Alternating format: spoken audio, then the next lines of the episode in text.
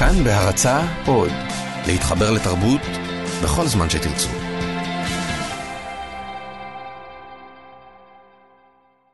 עיר ובעלות. איך נפלה עליי פתאום עיר ובעלות. קומות על גב קומות, וזיכרונות חולפים בי כמו מעליות ריקות. כי נפלה עליי פתאום עיר ובעלות. ואני אומר, חלון אינו אלא רצון אחר, פתוח. ואני מקשיב לרוח מתגוששת בתריסים, ולצמרמורת העצים הנעוצים כמו חיצים בבשר האדמה. ואני יודע כי בדממה אני כותב, ובדממה נמחק. אבל מוכרח אדם להשאיר אחריו סימני מאבק.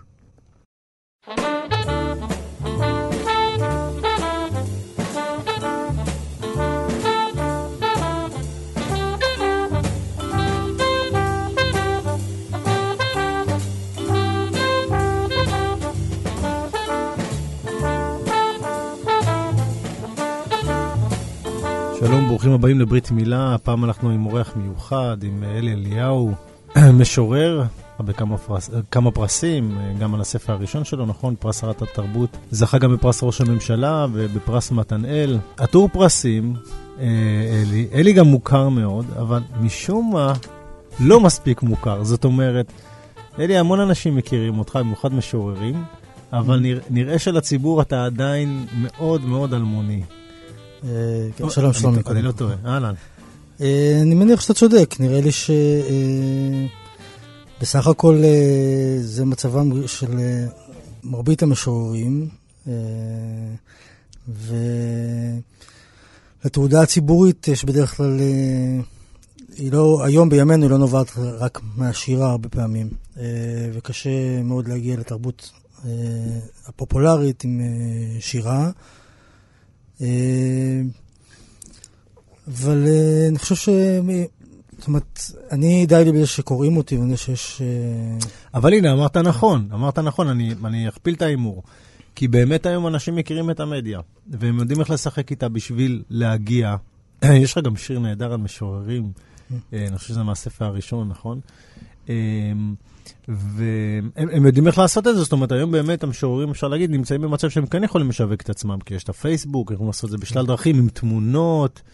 כן. אמ, קודם כל, אני לא שייך לדור שנולד אל תוך הפייסבוק, אלא דור שהיה צריך להסתגל על הפייסבוק. אני שייך לדור שנולד כקורא לפחות, אה, בתוך עידן הדפוס, ועבר ככותב אל עידן הפייסבוק. בשעה שאנשים אה, מדורך ואחריך, נולדו כשהדבר הזה כבר חלק מחייהם, אה, והם יודעים איך להתנהל בתוכו. מה עוד שאני באופי, אני גם לא כזה. זאת אומרת, אני לא יודע לעשות את הדברים האלה, אני מאוד גרוע בזה. לזה, אה, לזה רציתי להגיע. זאת אומרת, לשמוע אם זה באמת משהו שאתה יכול להסתגל עליו, או, או רוצה, או לא יכול, או משהו כזה. תראה, אני משתמש, אני משתמש באינטרנט ובפייסבוק, כל אני חושב ששניהם זה ברכה גדולה מאוד לשירה, והם עשו לשירה מהפכה גדולה מאוד וחיובית מאוד. ואני משתמש בהם בהתאם לאופי שלי ובהתאם לצורך שלי, ובאמת אה, למקומות שבהם אני מרגיש נוח. אה, גם השימוש שלי בפייסבוק, למשל, עם השירה, זה לא שאני, יש משוררים שבכלל לא, לא נוכחים בפייסבוק, אז אני כן שם, אבל אני משתמש בזה במשורה, זאת אומרת, אני קשה לי, יש לי שם אה, אה, יחס אמביוולנטי למדיום כרגע, שיש בו צדדים אה, חיוביים מאוד, ויש בו צדדים שאני מרגיש כמשורר, כאדם כותב, צריך להיזהר בהם קצת ולהקפיד בהם. אוקיי, תכף, אתה יודע מה, תכף אנחנו נגיע לזה, אני רוצה שנייה לחזור אחורה, ובאמת כן. ננסות קודם לענות על השאלה, אלי אליהו, קצת פרטים, קצת פרטים ביוגרפיים, קצת אה, מדעי רכילות. ספר, על, כן. ספר על עצמך. אוקיי, אז כרגע, מה שאני יכול לומר על עצמי, שאני... אה, אני עובד uh, בעיתון הארץ, במוסף. אני, יש לי uh, בת, ילדה בת תשע, ואני חי בגבעתיים, וכותב uh, שירה. אחורה, אחורה. אחורה, אחורה, אוקיי, אני נולדתי בכביש הטייסים בתל אביב. שם, שם חייתי בעצם, ההורים שלי הם שניהם ממוצא עיראקי, הם גדלו ב... במה שנקרא סלמה ג', שעד היום אני לא יודע מה זה סלמה א', סלמה ב', אם קיים בכלל. ואני גם בתור ילד תמיד חשבתי שזה מילה אחת, סלמי גימל. כן, אולי רק גימל תפס גם. כן, ובכיתה ג', כשהייתי בכיתה ג', עברנו לרמת גן, ושם בעצם גדלתי, אה, העברתי את ילדותי. בית ספר? בית ספר בתיכון הייתי בבליך. אני שואל רק בגלל שאני מכיר קצת, אני יליד רמת גן אה, וכולי אוקיי. וכולי, ובליך כן. כמובן שמכיר קצת. כן, אז אני אה, למדתי בבליך. אחר כך, אה, אחרי הצבא, אה, עברתי לתל אביב, נסעתי קודם לטיול הרגיל של הודו וכל זה.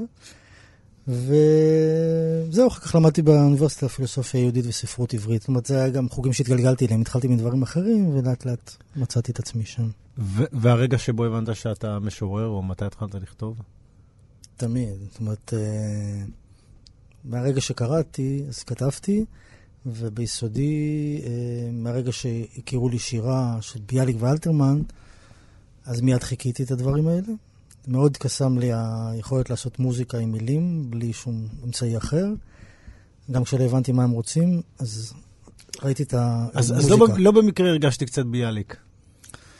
אה, מניח שלא, אבל מניח שכמעט כל, כל, כל משורר עברי אה, תמצא קצת ביאליק, כי זה משהו שאתה, שאתה נחשף אליו בגיל מאוד מאוד אה, צעיר, וכמעט רק אליו. זאת אומרת, אולי המחדל הגדול של מערכת החינוך זה שמלמדים מקבץ מאוד מאוד קטן של משוררים, ואתה חושב שככה זה שירה.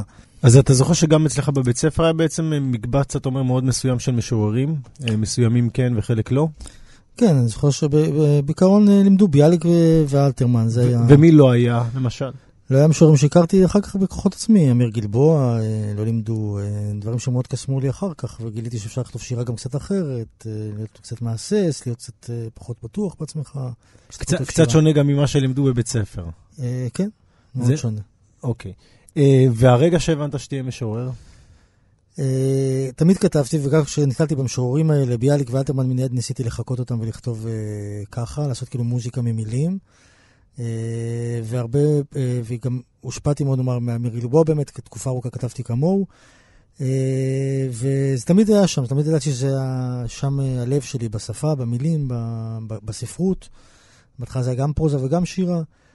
לאט לאט זה התחדד לכיוון השירה, ובסביבה הקרובה שלי תמיד ידעו שאני... כאילו, זה מעניין, כי לא- גם אני התחלתי עם פרוזה, ואז אני כבר אמרתי, מי ישכח להיות סופר? מה זה? כן.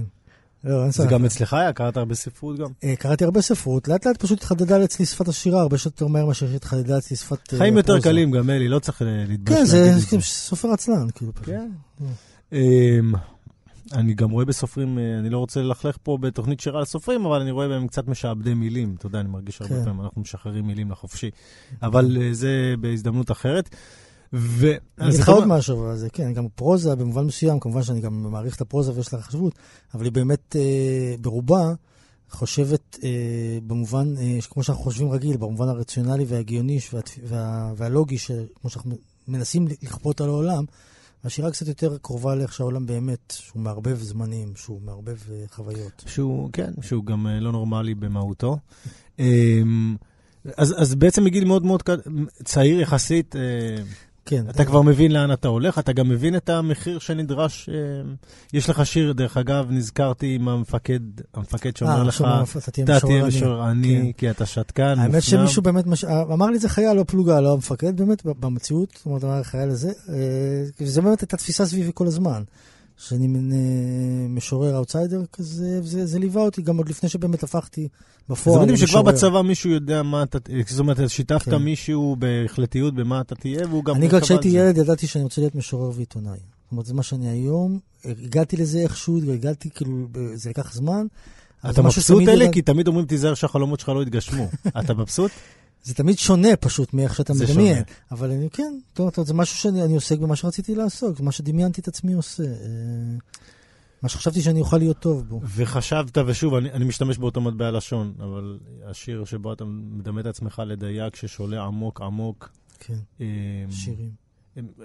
את, את החומר האנושי שאתה כן. תעשה ממנו שירים, נכון. ואתה יודע, וזה כאילו ברור מתוך השיר, שאם זה לא יהיה חומר אמיתי וכואב ומלוטש, וזה כן. לא יהיה באמת זה. כן. זה באמת שיש לנו, כמו שאמרת, מלוטש, זאת אומרת, באמת להגיע גם לחומר הפנימי וגם להפוך אותו, לעשות לו מטמורפוזה לאומנות, כי סתם אה, לשפוך את נפשך זה עדיין כאילו לא בעיניי מעשה אומנותי של שירה. אז זה באמת שני הדברים יחד, ואני... אה, וכן, קודם כל היה חשוב לי, כשלקח לי זמן לנסח את שפת השירה שלי, כי מאוד היה חשוב לי שהחיים שלי יהיו בתוך השירה הזאת, ושלא תהיה שירה ספרותית. עדיין, אני, ח- חד משמעית, למצוא את השפה השירית של כל משורר זה נראה לי האתגר של כל אומן, או כן. ב- ב- בכל תחום שהוא. ובכל זאת, אני חוזר למה שדיברנו בהתחלה, זה שאתה בכל זאת נחשף, אתה באמת חושף פה דברים מאוד משמעותיים, ו- כן. ושוב, גם אני לא מרגיש את זה, אבל פתאום כשקראתי אצלך, אני הרגשתי את זה. כן. אתה משתף אותנו בבדידות הגדולה שלך, בחיפושים אחרי אהבה, בכל... כן. כן. קודם כל, החיפוש של השפה הוא לא מנותק מזה, כי השפה שחיפשתי היא גם שפה שתוכל לדבר את החיים שלי, זאת אומרת, החוויה... אני לא מאמין שאפשר לכתוב שירה טובה באמת כשהיא מנותקת מחוויית החיים. היא צריכה אה, לנבוע ממנה. ואני חושב שההתבוננות הפנימית היא באמת אה, הכרח, וכמו שאנחנו הולכים אה, אה, לעורך דין בשביל שימלא מסמכים שאנחנו לא רוצים למלא, ולרואה חשבון כדי שיעשה את הדברים שאנחנו לא... אז גם אתה הולך למשורר כי הוא עושה את ההתבוננות הפנימית הזאת שקצת קשה מדי, או... אה, אה, אין לך את הרצון ואת הכוח ואת היכולת לעשות אותה, בעיקר כשאתה לא הופך אותה לאומנות אחר כך, אז זה מאוד... אה, כי זה בעצם מה שמאפשר את זה. למה באמת אנחנו לא מוכרים שירים לאנשים ככה ברחוב, פותחים איזה דוכן או משרד? זה רעיון מצוין, וזה גם שיר בפני עצמו, אלי. אה, כל הזכויות שמורות לאלי אליהו. ועדיין ההיחשפות לא קשה? ההיחשפות לא קשה? האמת שלא, אני לא יודע להסביר את זה למה לא, אבל אולי בגלל שאני באמת עושה את המטרמורפוזה לאומנות, אה, ולא נשאר עם ההיחשפות לבדה, אז אה, אני לא מרגיש את הקושי הזה, אה, שבאמת לחשוף את עצמי. אני לא חושב על זה במובן של היחשפות. כי בעצם מה שעומד בעיניי... זה באמת האומנות, לעשות עם השפה משהו, וכל הדבר הזה זה נלווה. אני חושב שזה חייב לנבוע מהחיים, אבל העניין הזה לא יושב לי אה, כמשהו אה, בעייתי מבחינתי, החשפות. קודם בשיחה בינינו, מקדים אמרת שזה גם לא לגמרי אתה. זאת אומרת שאתה מרגיש כן. שיש שם משהו, כן, מישהו בעצם, משהו אחר. כן, אני חושב שכל משורר בעצם אה, מייצר, אה, וזה באמת קורה בספר הראשון, איזושהי פרסונה דוברת, שהיא... אה, חלק מהחוויות בחיים בכלל לא מדברת עליהם, הפרסונה הזאת, וחלק היא, היא משקרת איתם ועושה איתם כל מיני דברים, וזה מין פרסונה שהיא אתה, אבל היא לא לגמרי אתה. יש בה איזשהו סוג של ניתוק, של הדובר הזה בעצם מאפשר לך, זה כמו שאתה תגיד, אפילו תלך עוד צעד ותכתוב בשם מישהו אחר. או נאמר, אה, תחשוב, פה זה בעצם נכנס לדמויות, ואז גם בשירה, זה אולי דמות אחת, אתה לא נכנס לכל מיני דמויות, לפעמים גם, כן? מעניין, אבל מעניין. אבל אתה נכנס לדמות אחת לפחות, והדמות הזאת היא, היא אתה, אבל היא לא לגמרי אתה. זאת אומרת שזה לא חשפות. ישירה, זה חשבות עקיפה. אני תמיד חושב שזה במובנים של תדר מסוים. כשאתה הולך לכתוב, אתה צריך להיכנס לתדר המסוים נכון, הזה שבו אתה כותב. נכון. אז אתה אומר, כאילו, זה לא באמת אתה, וכשאתה נכון. עוזב אותו, אתה משאיר אותו שם. תשמע, גם השפה היא לא שפה שאתה מדבר בה, היא שפה שאתה יוצר כדי לכתוב. כן. אז, אה, אז יש פה דובר אחר, אני הרי לא מדבר ככה. אז אה, זה לא לגמרי אני.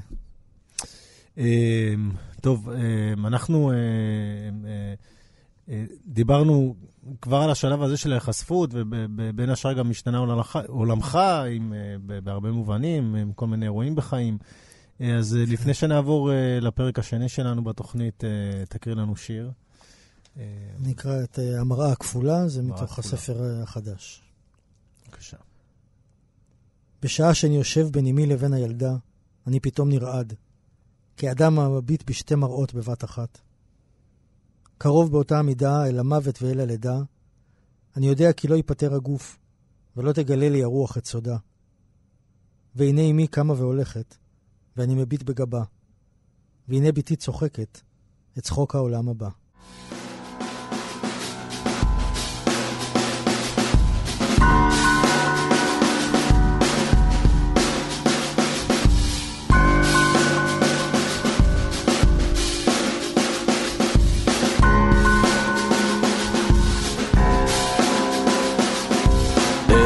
נפלה עליי פתאום.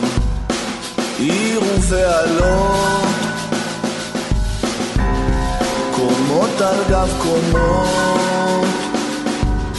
וזיכרונות חולפים בי. כמו מעליות ריקות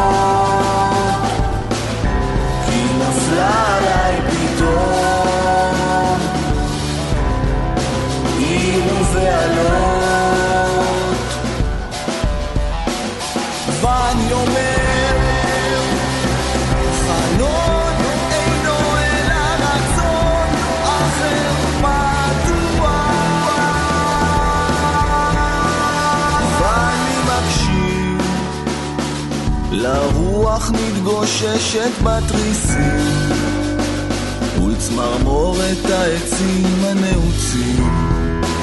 כמו חיצים בבשר האדמה.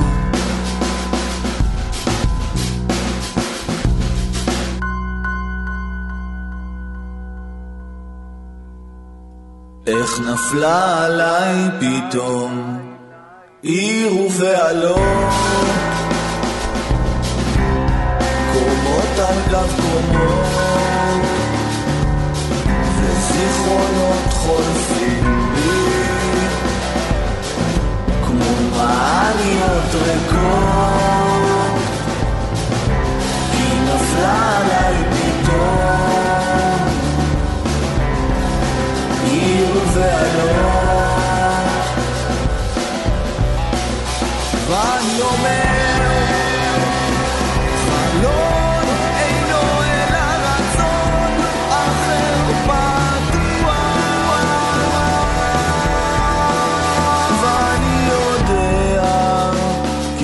בדממה אני כותב ובדממה נמחק אבל מוכרח אדם להשאיר אחריו.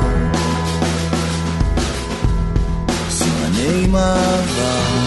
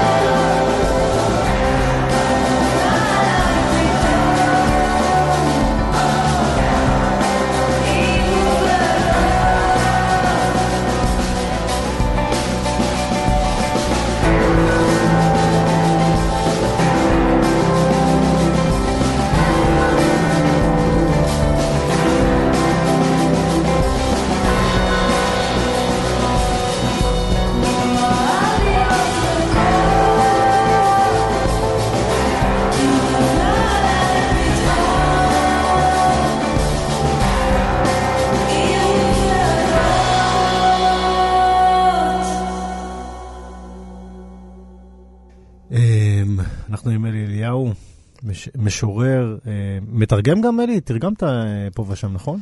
אה, אני מתרגם, אה, ובספר הבא, השלישי, יהיה גם שער של תרגומים שתרגמתי, מלבד השירים שלי. אה, יפה, יפה. אבל שנייה, לפני שנלך קדימה, אתה, אתה התחלת עם שיר על הבת, כן. וזה איזשהו שינוי מהותי מאוד, גם בחיים שלך. וגם בשירה, אבל נתחיל עם החיים. נו, כן. מה השאלה? השינוי? כן. אה, תשמע, זה שינוי, אני חושב שזה שינוי גדול בחיים אה, ילדים. אה, בשירה זה גרם לך משהו, אני אגיד לך למה אני הרגשתי. בקובץ של הספר השני, אחרי השיר על הילדה, כן. פתאום הרגשתי שבשירים שלך יש כבר איזשהו אה, זאב. יש איזה מישהו שכבר מתחיל להתעצבן על העולם, שלא יהיה, יש גם שירים מאוד זה קשים. מעניין, כי אני דווקא פחדתי כש, כש, כשתמר נולדה, מהתעדנות יתר. זאת אומרת שהשירים יתעדנו מדי. כאילו, כלומר, כי בדרך כלל אתה חי, חייתי במין אה, מאבק כזה עם העולם, אה, אה, עם חספוס. וילדה, וזה זה משהו שמוסיף איזושהי הרמוניה לחיים, ואיזושהי נקודת עוגן. ואם כבר החשש שלי היה שבעצם השירים יאבדו את ה... אז מעניין שאתה אומר, אבל אני חושב שבאמת, אולי מה שבאמת קרה שם מבחינתי, מה שאני הרגשתי, כמו שאמרתי קודם, זה יותר מעורבות בעולם מסביב. פחות את ההתבוננות רק הפנימית וה, אה, של היחיד, ויותר הסתכלות החוצה. ונראה שפתאום בהסתכלות הזאת גם הפכת להיות סוג של אה, שומר, של מישהו ש... שעכשיו גם צריך לשמור על משהו. ופתאום מסתכל על העולם, אוקיי, אתה, אתה אומר מחוספס, אוקיי, העולם ככה, העולם ככה, אבל זה רק אתה והוא, ופתאום אה, יש פה ילדה גם. כן, אה, נכון, נכון, האמת שלא חשבתי על זה במובן הזה, אבל יכול מאוד להיות שהכתיבה שלי שנעשתה קצת יותר אה, פוליטית, חברתית, היא הייתה גם בספר הראשון, אבל בדרכים אחרות, אז אה, באמת יש לזה חלק מה, מהעניין הזה, שבעצם אה, אתה שומר על מישהו, אה, ורוצה זה, עולם... זה הפעם הראשונה שאני חייב לומר. שהיית, שלפי דעתי היית הכי רציני. אני אגיד לך גם למה. אתה מדבר על שירה פוליטית חברתית, ואני אמרתי לשאול, לשאול את אלי, אתה חושב שהשירה יכולה לשנות את העולם באמת? גם במובן החברתי או במובן הפוליטי, והרבה פעמים נראה שבשירה שלך יש איזשהו סוג של אירוניה. מהמם. כאילו אתה ליצן החצר של העולם, לא של איזה בית מלוכה, שמבין שאין אין מה לעשות, אז אתה דוקר את מי שאפשר עם המילים הרבה פעמים. אה, אם יכולה לשנות העולם, אני אגיד לך, קודם כל, כמו שכתבתי בשיר, סימני מאבק, זאת אומרת, אני חושב שכאילו, כמו שאנחנו לא יודעים את התשובות האלה גדולות על העולם, אבל תמיד המטרה היא להמשיך לשאול, אז אותו דבר פה. אי אפשר במובן שהעולם, אני לא חושב שהעולם יהיה מתוקן לגמרי, אבל, אה, אבל אין ספק שכשאדם כותב, רוצה לתת ביטוי לעצמו ולעולם, אז יש דברים ש, ש, שמתנגשים והוא רוצה אה, לשנות אותם. אני חושב ששירה, בכלל ספרות, עובדת מבחינתי אה, כמו חלום. עכשיו, כשבן אדם, נאמר, מתעורר מהחלום, אז אין לזה אחיזה במציאות. זאת אומרת, לא השתנה שום דבר במציאות. אבל כן השתנה משהו קטן בנפש שלו, כי כן עברה איזשהו משהו. אה, ונגיד, אני לא אומר, חלמת שהרבצת לאיזה מישהו, הרביץ לך או הרבצת לו, תכבוש אותו למחרת, לא באמת קרה ביניכם, אבל משהו כן משהו קרה. באנרגיה. כן, אז uh, הספרות אותו דבר, אני לא חושב שכשאתה כותב עכשיו שיר, משהו מחר ישתנה בעולם.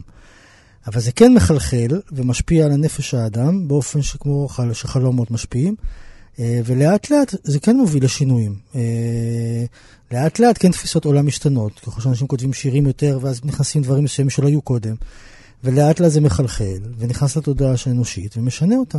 ובסופו של דבר קורים גם שינויים פוליטיים חברתיים. הם תמיד תלויים גם בשינויים כלכליים ובשינויים אחרים, זה אף פעם לא... העולם מאוד מורכב, זה, לא, זה אף פעם לא דבר אחד משנה משהו. אבל זה צריך לבוא זה ביחד, כאילו אתה צריך מד- להיות שם. אתה כאילו מדמה את השירה ל- לכמו חלום, שהוא כן. כמו זרע, שמתחיל לעשות איזשהו... כן, נטמן. בתודעה האנושית. והוא צריך להיות שם בשביל שכשתהיה את האפשרות הכלכלית ואת האפשרות הפוליטית-חברתית, אז כבר תהיה תודעה מוכנה לזה.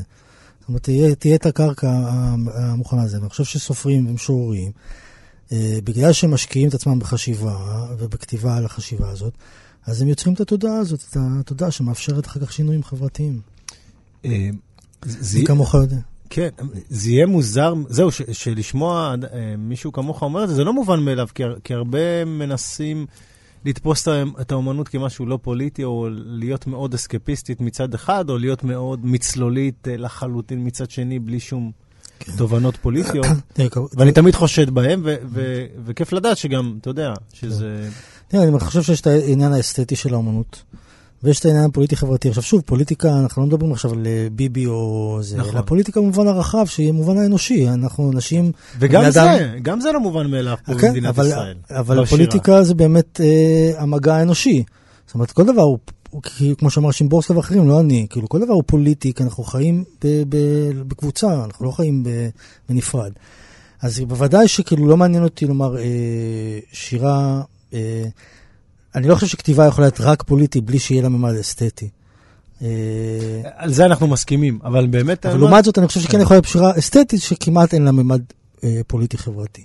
אבל שני הדברים, כאילו, מבחינתי, אה, יש להם זכות קיום. מי החברים שלך, אלי? מי החברים שלי? כשראיינת אותנו, אני לא יכול כן. שלא להתייחס פה ליחסי מראיין מרואיין, כן, כן, כן. אלי גם, אתה עשית איתנו את הרעיון הראשון הגדול, שעוד הייתי בארס פואטיקה, נכון, אה, והבאת איתך את יעקב ביטון, נכון. יועץ הסתרים, הבאתי אותו כחברים, ולא יודע האמת איך זה האמת שהוא התלווה אליי לראיון איתכם, ונסענו גם לראיון- כשעשיתי ראיון טוביה ריבנר, אז הוא התלווה אליי, ו- ויונתן אה, ברג. זהו, שאני, אה, לא- כי- כי כשאתה מדבר פתאום על פוליטיקה, אמרתי, רגע, אולי יש פה איזה אגודת סתרים, אולי שאלי יש לו אספירציות הרבה יותר גדולות מ... לא, לא, אני. האמת שאני די די אינדיבידואל, אני לא, אין לי אה, אה, קבוצות או משהו כזה, יש אנשים שהתק- שהתקרבתי אליהם יותר בעולם השירה, אה, גם מבחינת שהשירה שלנו עניינה אחד את השני, וגם אה, במחאה חברתית.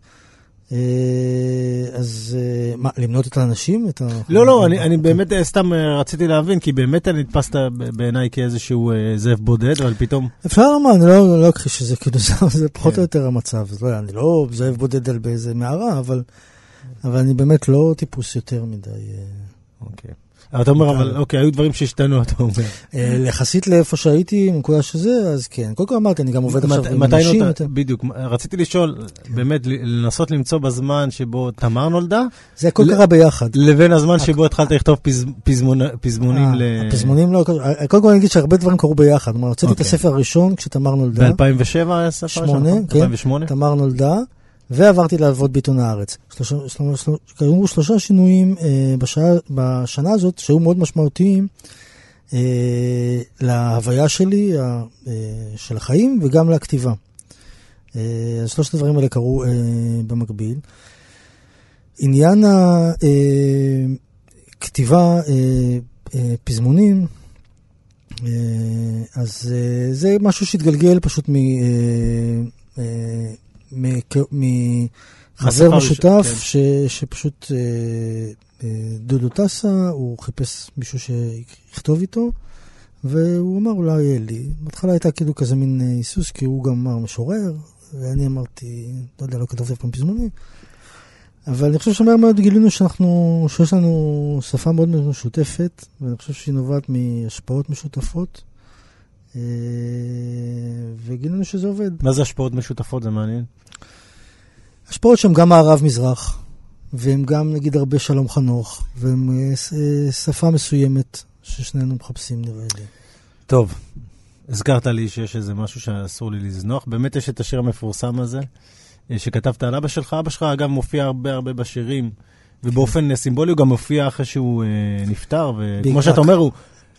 הוא, הוא גם מופיע פתאום בח, בחיים שלך יותר אחרי שהוא נפטר, נכון. מאשר אה, אה, כשהוא חי. והשיר המפורסם, זה שיר כל כך... אה, הוא גם כל כך חזותי, זאת אומרת, אפשר לדעת, זה כמו סצנת קולנוע, שם מפורסם שבו אתה מספר שאבא שלך בחניון, שומע קצת אה, אה, מוזיקה עיראקית, כן. ואז כשאתם עולים למעלה, הוא מיד מחפש את התחנות של האמת שהיא לא עיראקית, כי הוא שמע פריד אל-אטרש ואום אוקיי. כולתום, אז היא ערבית פשוט. אוקיי. אה, אז כי רשמת בשיר, אה, הניתוח הצליח ובגדד אצלי מתה. כן, לא, אני עיראקי. והוא עיראקי, כן, כן. אתה רוצה אולי להקריא את השיר, שיהיה לנו איזשהו... אה, כן. שיר לבגרות גם, אם יש ילדים, תקרבו אותם עכשיו בבקשה לרדיו. תמשכו אותם באוזניים, זה יום שישי, בבוקר אמור להיות, ווטאבר. מתחת לפני האדמה. ומה לעשות שאצלי הניתוח הצליח, ובגדד מתה. ולא נותרה אלא המוזיקה, שהיה אבי שומע בתחנות הבושה. כשהמתין בחניון התת-קרקעי, לקחת אותי אל צבא העם, בדרכו לעבודה. ולא אשכח לעולם את עצב ידו המגששת אחר העברית, להחליף מהר, לפני שיוצאים ועולים מעל פני האדמה. אה, סלח לי רגע, מה זה צבא העם פה? אני אה, אה, ניסיתי, מה... צה"ל. צה"ל, זה היה כאילו... למה אני אומר צבא העם? כי בעצם אה, זה המקום שמנסים לאחד את ה... Mm. לפחות הדבר בפי- הזה. אוקיי, זה, זה נראה לי היום לפחות אה, הצליח קצת. שיר שנכתב עוד לפני אה, מה שקרה איתנו, עם הארס פואטיקה ועם הכל, כן. וזה היה משהו שחשת אותו, זאת אומרת, אני אגיד לך, אמרתי לך קודם שאני כותב שיר ואני לא יודע לאן הוא ייקח אותי, אז השיר הזה התחיל, אה, הרי לפני מה שקרה איתכם, אה, הייתה איזו התעוררות קדם התערערותית עם אה, אלמוג בהר ואחרים, ומתי שמואלוב, שהכניס מאוד את העניין הפוליטי המזרחי. ואני אה, הייתי באיזה ערב של, שהשתתפו, ואמירה אס הייתה שם, ולא הרגשתי שאני יכול כאילו אה, להתחבר לזה. כי באמת כי הרגשתי שאני מנותק כבר מהדבר הזה. זאת אומרת, אין לי שום אה, תשוקה לתרבות המזרחית, או כי זה, לא גדלתי על זה. וכאילו לבוא עכשיו לעשות איזה פליקסלק ולהביא את זה כאילו מאיזשהו מקום שאני בכלל אין לי שום קשר כביכול רגשי אליו, זה נראה לי מלאכותי. זאת אומרת, הבנתי את החשיבות של זה, והבנתי את הרצון הזה שלהם, אבל לא הרגשתי שבאופן אישי אני יכול להיות שם. מה לעשות, כאילו גדלתי על ניקה ולא על אום כולתום, אני לא יכול פתאום, כאילו... הרבה פעמים זה לא על חוויות תרבותיות שחיינו, אלא על חוויות שליליות שחווינו. אתה יודע, כי אני, מהבחינה הזאת, אני לא שואל ממך שוואלה, שמעתי אולי ניקה והרבה יותר מאום- מהאום גולטום. כן. אבל אני חושב שחוויות גזענות שחוויתי, הם אז- אלה שעוררו את זה אצלי. אז אני לא חוויתי, ואני אה, אה, מודע היום שאנשים חוו, אה, משיחות עם אנשים ש... או שערכתי להם ספרים, שדיברנו בכלל על הנושא, ואני חושב שזה מאוד משתנה ממקום למקום שבו חיית. אה, כלומר, אם היית בפריפריה, אם היית במרכז, אם הייתם רובם אשכנזים סביבך, או שהיית רובם מזרחים סביבך, אז זה מאוד מאוד משתנה החוויה, מבחינת החוויה. אני, כחוויה אישית, לא הרגשתי שהיה, שם, שהיה כלפיי משהו כזה. אה, אפילו כשאני מנסה לעשות בדיעבד, אולי לא הייתי מודע, עדיין אני לא מוצא כאילו את המקומות שבהם הרגשתי שיש משהו. ברור לי שיש בחברה באופן כללי, אני, ברור שאני לא, אה, אה, דבר כזה ברור לחלוטין, אבל לא היה לי חוויה אישית כזאת. בתקופה הזו היית עדיין, היית גם זאב בודד, גם כנער, גם כבחור, גם כ... כן, כן. כן? יותר. אוקיי. יותר אפילו. כן. אפילו אם יותר. כבר הלך והשתנה. אז זה, השיר הזה נכתב בעצם כאילו, בשורה הראשונה שאומרת אה, מה לעשות שאצלי ניתוח הצליח ובגדד מתה, בעצם מדברת על זה שאני בעצם לא יכול להצטרף למהלך כזה. אבל אז כשהתחלתי לכתוב את השיר, הוא פתאום התחיל לגלוש לאבא שלי. ואז הבנתי ש... שהוא הגיבור של הסיפור, כי הוא הקריב, לא, מה הקריב? הוא כאילו מחק את התרבות שלו. זאת אומרת, מישהו שבא עם ידע ותרבות וזה, הופך לאידיוט מסוים. כדי שהבן שלו אולי, או שהמשפחה שלו... התערב, כי- כי- זה המהלך ההיסטורי, אבל אה, אבל הוא יהיה קורבן. והנה בסוף השיר הזה הולך ומתגלגל עד בחינות הבגרות בספרות, כן. שזה סוג של סגירת מעגל מאוד... כן. אה, האבא שמתחבא הופך להיות פתאום בחזית אה, כל אה, כן, נכון. אה, נער שפתאום אה, רואה מולו את אה, טופס הבחינה הכל כך אה, אה, לאומי, ו- ואיך היו התגובות? איך אתה הרגשת עם זה? אה, אני יודע שזה אנקדוטלי מבחינה, אתה יודע, ספרותית, ספרותית כן. למשורר, אבל לא, היה בזה משהו מעניין, כי באמת מה שקרה, זה באמת, אה, היה לזה איזה מאמר גם, שמה שקרה זה שהמורים שהביאו את השיר, היה ברור להם שזה שיר, כאילו, כלומר, הם תפסו את זה כשיר מאוד מאוד ברור וקל להבנה. ומה שקרה, שרוב התלמידים לא הבינו את השיר, ולקחו אותו למקומות אה, אה, מוזרים מאוד, אה, לא מוזרים, תכף אני אגיד אה, משהו, לאן לקחו אותם. באמת התחיל איזה דיון למה הם לא הבינו, והתפיסה הייתה בעצם שכאילו, שהחוויה הזאת זרה להם. אני חושב, אה, אה, קודם כל אני אגיד שלאן שהם לקחו את זה, זה בעצם הם ראו בגדד, הם ראו צבא, הם לקחו את זה למלחמה עם הערבים, ואנשים מתחבאים במקלט והורגים את הערבים, כל מיני דברים מיליטנטיים כאלה. עכשיו, אני חושב שכאילו, אה, אה, אם אני, אה, אני לא יודע אם אני צודק, אבל לי נראה שפשוט הבעיה שלהם עם השיר הייתה שהוא באמת מדבר אה, בשפה אה, פחות או יותר אה, שהם יכולים להתקל גם, גם בעיתון וגם בזה, זאת אומרת, זה לא צנח, לא זלזל. וברגע שהם ראו מילים מוכרות, הם לקחו את זה למקום הכי קרוב אליהם, שזה מה שהם רואים בעיתונות בזה. ומה שעצוב זה המקום הזה, שזה לשם לקחו את זה, למין, אה, גם התנשאות על העולם מסביבם, הערבי, גם המיליטנטיות, ה over מיליטנטיות וה- והעניין של... זאת אומרת שהיו שם מילות קוד ש- שכתבת את השיר, אותם. והיום הן פתאום רלוונטיות למשהו אחר. הם, אה. הם, ר- כן, אני חושב שהן רלוונטיות, אה, כן, הן יכולות להיות גם רלוונטיות למשהו אחר. ולהם, לתלמידים, מאוד קל לקחת את זה שם, נגיד, שוב, צנח לא זזן, הם לא יכולים לקשר את זה לחייהם היום. אבל אם רואים מלחמה, צבא וזה, אז הם יכולים לקשר את זה לדברים שקורים גם סביבם כרגע. וזה מה שהטעה, אני חושב. אה, ומה שעצוב, זה באמת, זה לאן זה לקח אותם.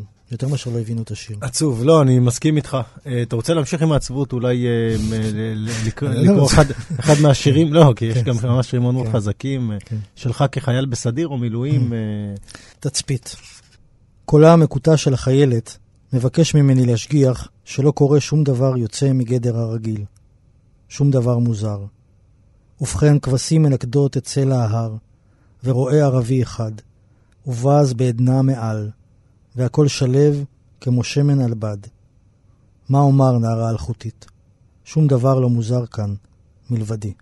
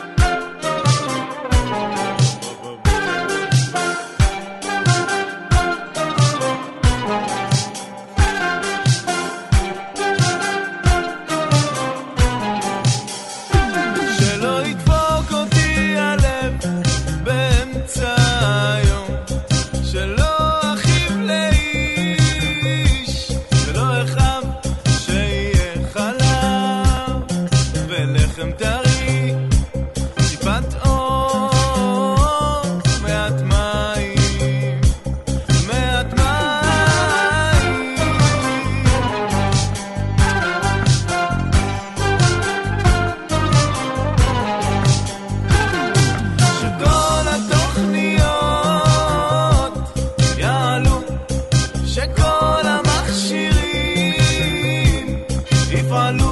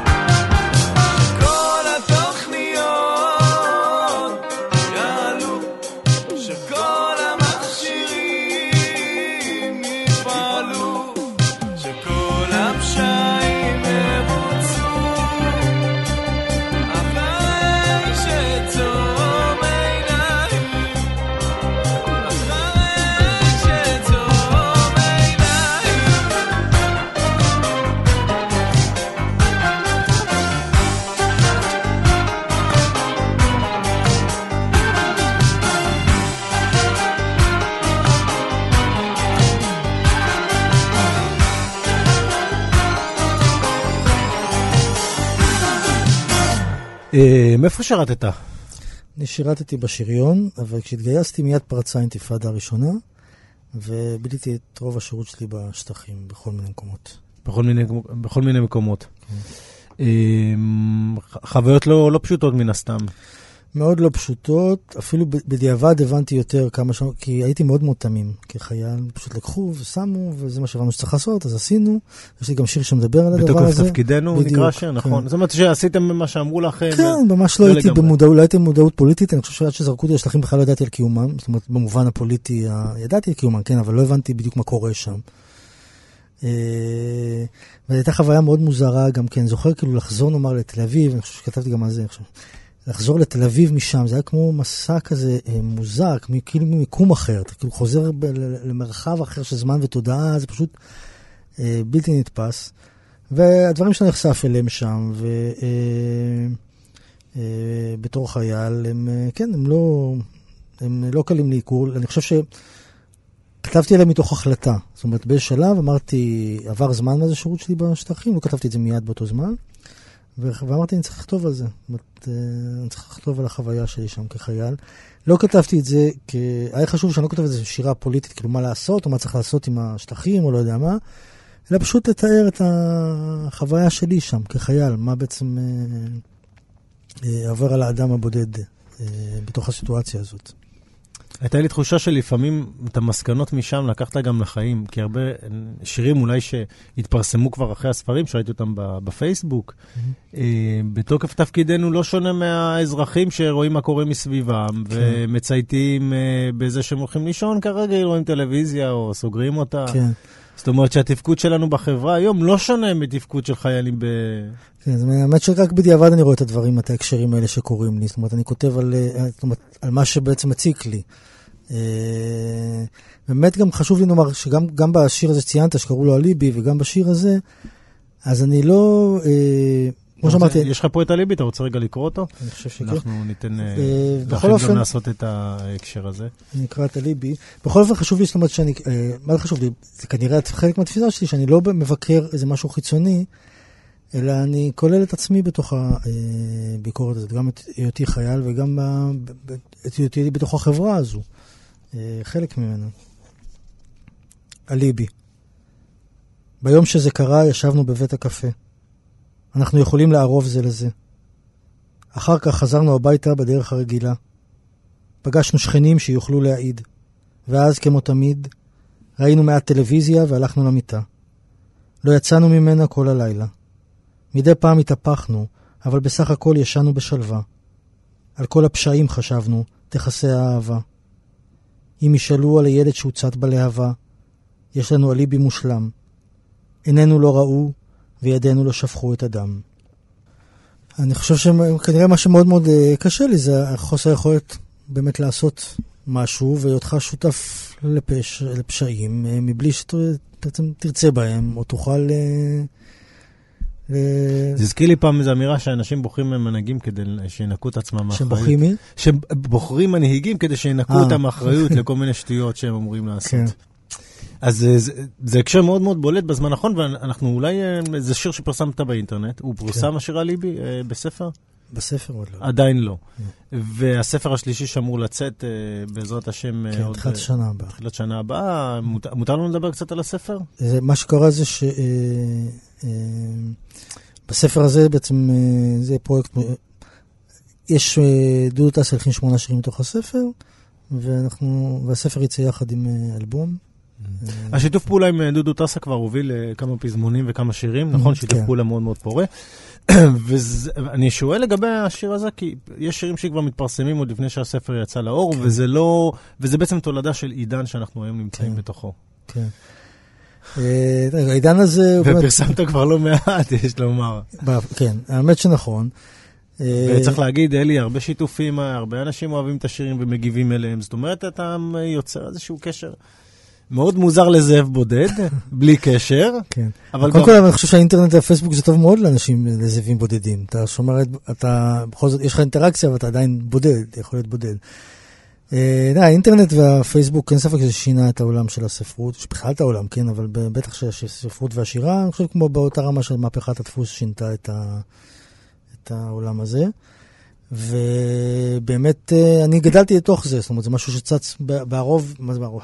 אני לא הולך אמור, אבל בשלב מאוד מאוחר של הכתיבה שלי, זאת אומרת, זה לא היה קיים כשהוצאתי את אני ולא מלאך. ואני חושב שקודם כל, אה, זה באמת משנה הרבה מאוד דברים, גם את הנגישות של אנשים, נגיד להגיע ולפרסם. אני זוכר את עצמי, כאילו, כשכתבתי את השירים של אני ולא מלאך, לא ידעתי בכלל לאן ללכת איתם, כאילו, ומה לעשות איתם, כאילו, לא לי, לא הייתי בשום ברנז'ה ולא הכרתי אף אחד. וזה גם לקח לזה שנים כאילו לקרות. היום כאילו אתה יכול לכתוב לכל העורך במייל ובפייסבוק ולפנות, או לפרסם סתם בפייסבוק עצמך. ואנשים צומחים בתוך הפלטפורמה הזאת, ולאו דווקא בדרכים המקובלות והרגילות שהיו קודם. ויש בזה חיוב, יש בזה שלילה. גם מבחינה כללית של הספרות, אה, וגם מבחינה אישית. זאת אומרת, אני מאוד אה, נזהר בזה. זה משהו שקורה בעיקר בשירה, אני לא רואה איזה סופר מפרסם קטעים מהספר שלו, מה זה יעזור נכון, לו? כי אני חושב שבאמת זה עשה הרבה מאוד, אינטרנט עשה הרבה מאוד לשירה. כי באמת בגלל שזה אה, המדיום המצומצם, מאוד מאוד נוח לדבר הזה. ובאמת רואים שהשירה היא במקום אחר מאשר הייתה בשנות ה-80 ה-90, כשמה שהמדיום העיקרי היה טלוויזיה ולא היה לו שום עסק עם שירה. היום כשזה מדיום טקסטואלי של האינטרנט, אז רואים שהשירה פורחת יחסית, כן? זה לא יהיה אה, אלתרמן, כי יש היום הרבה יותר גירויים והרבה יותר עניינים, שאז לא היה כמעט כלום. אבל היא יחסית לשנות ה-80 וה-90 היא בפריחה, אין ספק. לא חשבתי על זה, הטלוויזיה דפקה אותנו, אנחנו נדפוק אותה טלוויזיה דווקא את. השירה שני עשורים, אין ספק. כן? בוודאי, כי זה מדיום ויזואלי, הוא לא צריך משוררים, אין לו שום עסק איתם. זה השנים שהשירה הייתה הכי אה, נשכחת ונידחת. שיעורים יקרים, אתם יודעים עכשיו אה, מי האויב שלנו? לסמן אותו. כבר גמור, כבר גמור. במובן מסוים, יש עידן- יש פריחה של הסדרות וזה, שזה כן. אבל מבחינת המדיום, מדורת השבט, זה האינטרנט היום. כן. אמ, אז בסופו של דבר, היתרונות אה, עולים על החסרונות, או להפך, אני לא יודע, כי בסופו של דבר, הנה, גם אתה וגם אני נמצאים במצב של, אתה מפ- מפרסם לפעמים שירים, כי, כי אתה כתבת משהו חדש, והוא נכון כן. להרגע, ואתה רוצה לפרסם אותו, ואתה עושה את זה עם אחד מילא, אבל אתה עושה את זה עם עשרה, והספר עוד לא מוכן, תראה, אבל גם קודם הייתי פשוט מפרסם נגיד בכתבי עת. פשוט היה פחות אנשים רואים את זה. כאילו, כן, זה היה פחות מעט משמעותי. אנשים אה, רואים פחות בכתבי. עת. אה, אבל אני היום אה, באמת, אה, חושב, נוח לפרסם בפייסבוק, אני חושב שזו פלטפורמה טובה, היא מגיעה להרבה מאוד אנשים, מה שהספרים וכתבי עת פחות מגיעים. ואני חושב שאני לא רואה בזה דבר שלילי בפרסום עצמו. כן, יש לזה בעייתיות במובן הזה שאתה בעצם נמצא בקשר מאוד מאוד ישיר עם הקוראים, שזה לא היה פעם. כלומר, אתה מוציא ספר, ובהתחלה אף אחד בכלל לא יודע על השירים האלה, וכשהם יוצאים, גם התגובות הן לא ישירות אליך. אה, אז גם הסכנה הזאת, גם זה שאתה רואה בעצם, למשל, גם אם אתה לא רוצה לפנות אל הקהל, אתה בעצם רואה בתת מודע מה עובד. ואז במקום להיות באיזו מעבדה פנימית ולהביא את עצמך, ואז קחו מה שיש לי ותבואו כאילו אליי, אתה בעצם קצת הולך, גם אם אתה רוצה או לא רוצה, אל ה- אל הקהל. לרצות, לרצות, אה, לרצות. וזה לא. הטעות הכי גדולה, זה באמת מה שאני חושב שהוא גם החיסרון הכי גדול. שיש לך כאילו אינדיקציה מאוד ברורה למה אמור נכון. להצליח. תשמע, זה גם משהו שעבד בעיתונות. כלומר, בעיתונות בעבר, אה, עורך בעיתון היה קובע מה חשוב, מה לא חשוב, והוא היה מסדר. היום הוא רואה מה עובד. הוא רואה שהידיעה הזאת, שמדברים על לא יודע מה, על סקס או זה, עבדה מאוד טוב, אז הוא רוצה כאלה. זאת אומרת שבעצם הקהל אה, מכתיב את היצירה. עכשיו, אבל פה אתה אומן שמחליט לעצמו, כן. וזאת הסכנה הגדולה. נכון, גם בעיתונות זה סכנה, שגם בעיתונות זה, זה בעצם לספק אה, לציבור את מה שהוא רוצה אותו רגע, אבל בלי כאומ- בעצם למצוא, להמציא לו אה, סדר יום אה, משמעותי. אבל כאומן הסכנה מאוד מאוד גדולה, כי זה- כי זה. כאילו, ה- בוודאי. זה ה- זה זה בוודאי. הקריירה שלך, אני לא יודע אם כן. להגיד- להשתמש במילה קריירה, אבל זה, אתה יכול לאבד את עצמך. כן. מילא עיתון, אוקיי, העיתון הזה לא שלך, אתה עורך, או, זה לא אתה, זה לא... כן, כן, נכון. אה, בגלל זה- אני נזהר במקום הזה, כי אני מרגיש באמת שמישהו שכותב וזה עלול לאבד את עצמו, עלול לאבד את המקום הזה שבו יש לו איזו מעבדה פנימית אישית, אה, שמנותקת מהקוראים ומגיעה אליהם רק אחרי שהמוצר מוגמר וגמור. לקח לי זמן באמת, שבהתחלה כשהייתי בפייסבוק פרסמתי רק שירים מתוך הספרים ולא חשפתי שום דבר חדש, אבל לאט לאט המדיום אה, משתלט על החיים והוא משתלט על התפיסה שלך. אה, והוא שם, והוא נוכח מאוד, ובשלב זה קורה, אתה עובר את הגבול הזה, ועדיין כאילו אתה צריך, אה, אני חושב שצריך לדעת איך להשתמש בזה ולשמור על עצמך בתוך ה... כל אחד מה שמתאים לו גם, יש אנשים עם אופי אחר שזה בעצם, אה, לא יודע, אין להם בעיה לפרסם כל דבר בפייסבוק, וזה גם, המעבדה שלהם חיצונית, ואולי גם זה בסדר, זאת אומרת, כל אחד יש לו את החוקים שלו, אני מרגיש שיש לי את המקום הזה שאני צריך לשמור עליו, שהוא מקום... אה.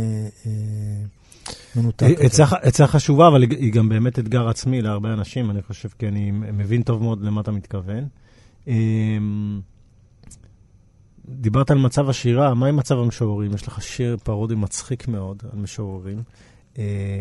בפ- פסטיבל זה נקרא? אה, טועה? הפסטיבל. כן, פסטיבל? כן, אמ, אלי ראיינת הרבה משוררים ומשוררות בחיים. נכון? כן. זה, לא היה לך, נראה לך מוזר, כי גם אני, הנה עכשיו שיש לי תוכנית עם משוררים, שאני מארח, אני אומר לעצמי, אני עכשיו יכול לדבר עם משוררים באופן כללי, זה, קצת אה, עלול להיות, אה, קצת עלול להיות בעייתי, לא? מה הכוונה באופן כללי?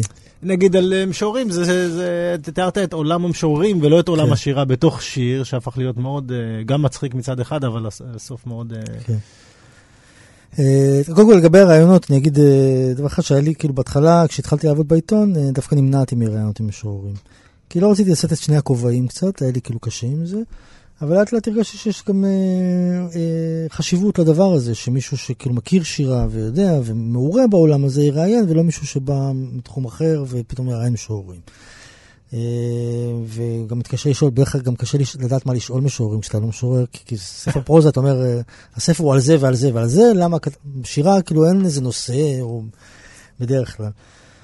אז... אה, וגם הרבה פעמים בשירה יש אלוזיות למשוררים ושורות, כן, נכון. חלק גדול מהעניין. נכון, אז, אה, אז בגלל זה כן התחלתי אה, לראיין. נו, אז מה מצב המשוררים בארץ, אלי? מצבם הפיזי? מה? לא יודע, מה אתה, אתה רוצה להקריא את השיר, ואז אנחנו... אני אקריא את השיר? תקריא את אוקיי, השיר. ה- בסדר. פסטיבל. כמו אגודת סתרים של משביעים הם מגיעים, כמו מעלים באוב של המילים. אינם נושאים עמם דבר מלבד עצמם. אין זה אומר שחייהם קלים כלל ועיקר. עכשיו הם פושטים מעילים, עמוק בפנים הם יודעים שאינם אלא מעתיקים משוכללים. עוד מעט הם עולים לשלוף מכיס ליבם את המעט. עוד מעט יקראו בקולי קולם, וסכיני המבט ינעצו בבשרם. בזה אחר זה יימחצו בין מחיאות הכפיים. בזה אחר זה יתערבבו בקהל. וכבר קשה יהיה להבחין בינם לבין עצמם. לא כל שכן לומר אם אלו חייהם כרגע, או מותם.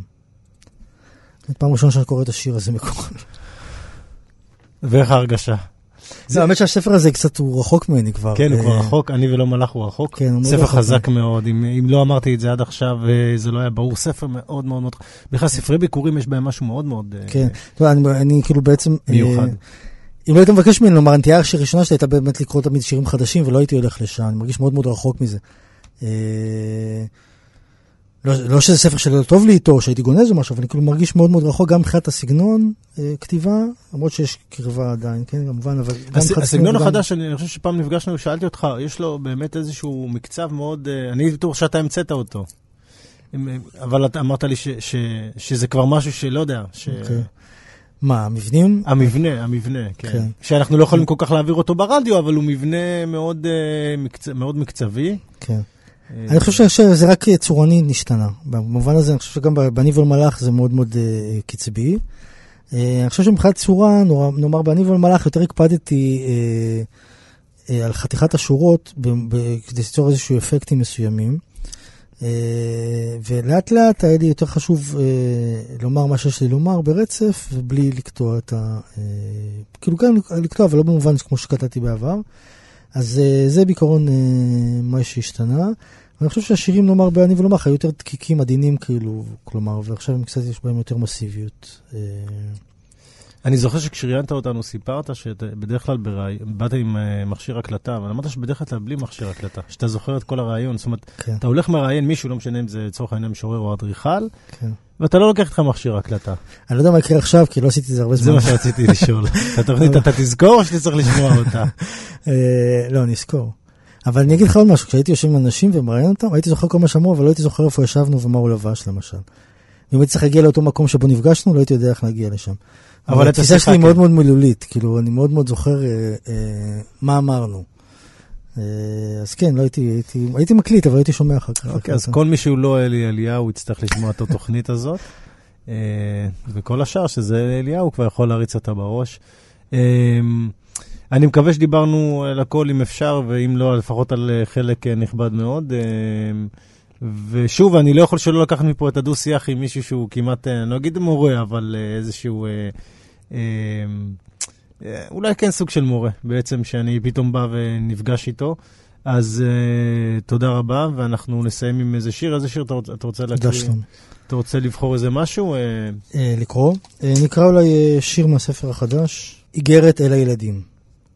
אני כותב אל המעתיקים, אל הלוחשים בחשש זה אל זה, אל החורטים את אהבתם על השולחנות, אל המאחרים, אל אלה שבוהים מבעד לחלונות, בשביל אלה ששוכחים את המחברות, בשביל מי שנרדם על מושבו, בשביל אלה שלא יודעים את התשובות, בשביל זו שמוחקת את מה שכתבה.